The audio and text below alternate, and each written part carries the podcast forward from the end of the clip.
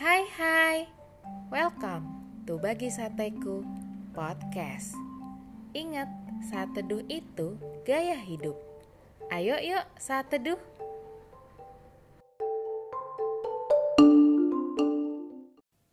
Topik saat teduh kita hari ini adalah wanita idaman.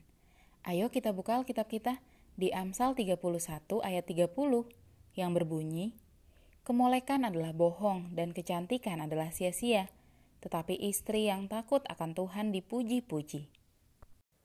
Sahabat sateku, siapa yang di sini senang atau kagum lihat cewek cantik secara fisik? Bukan cuma yang cowok-cowok aja, cewek juga kalau ngeliat cewek cantik pasti kagum. Lihat deh si Nana, cantik banget ya. Dan bahkan gak bisa dipungkiri, pasti setiap cowok-cowok tuh memiliki ciri-ciri wanita idaman untuk mendampingi hidupnya kelak. Kalau kita baca Amsal 31 dari ayat 10 sampai dengan ayat 30, maka kita akan menemukan karakter-karakter yang seharusnya dimiliki seorang wanita sehingga dapat dikatakan wanita idaman. Antara lain, yang pertama, setia dan dapat dipercaya.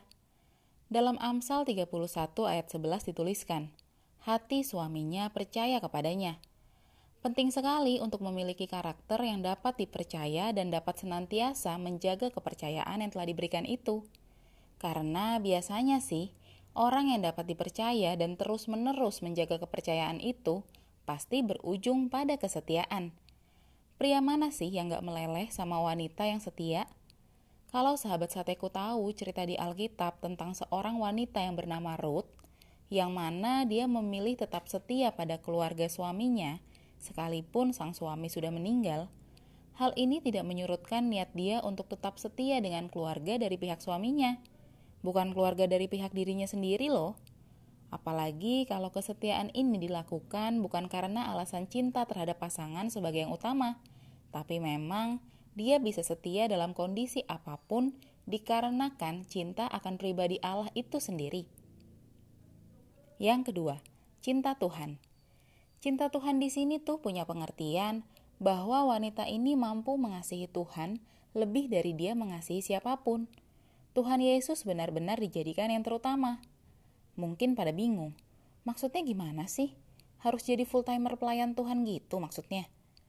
Hmm, bukan harus begitu sih. Maksudnya tuh dalam menyikapi segala sesuatu, tetap yang terutama ya Tuhan Yesus. Misalnya nih, ketika menghadapi permasalahan, wanita yang cinta Tuhan gak bakal ambil jalan yang mudah, yang tujuannya cuman ya udahlah yang penting pasanganku happy aja. Udah nggak usah dikasih tahu di mana salahnya, nanti dia bete. Biar dia happy aja lah.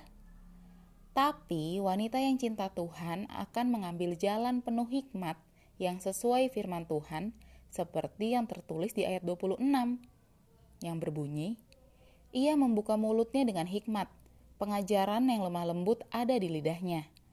Jadi, wanita yang cinta Tuhan itu menempatkan Tuhan Yesus menjadi yang terutama dengan hikmat dan lemah lembut.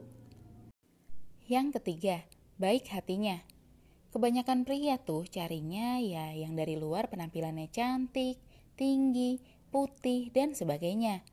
Ya nggak salah sih, tapi ingat yang terutama yang harus dilihat itu ya hatinya. Wanita yang baik hatinya itu idaman banget. Ayat 12 berbunyi, ia berbuat baik kepada suaminya dan tidak berbuat jahat sepanjang umurnya. Lalu ayat 15 berbunyi, ia bangun kalau masih malam, lalu menyediakan makanan untuk seisi rumahnya dan membagi-bagikan tugas kepada pelayan-pelayannya perempuan. Lalu ayat 20 berbunyi, ia memberikan tangannya kepada yang tertindas, mengulurkan tangannya kepada yang miskin. Dan ayat 27 menuliskan, ia mengawasi segala perbuatan rumah tangganya, makanan kemalasan tidak dimakannya. Dari ayat-ayat itu jelas banget kalau wanita idaman itu harus baik hatinya.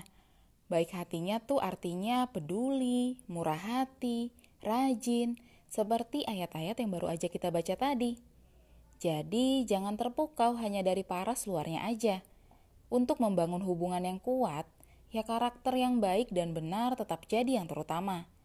Jadi untuk para pria, carilah wanita idaman sesuai yang dikatakan Alkitab.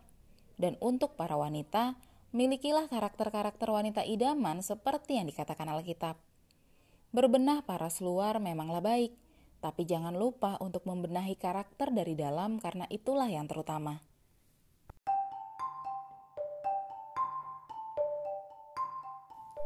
Terima kasih ya sudah saat teduh bersama Bagi Sateku Podcast.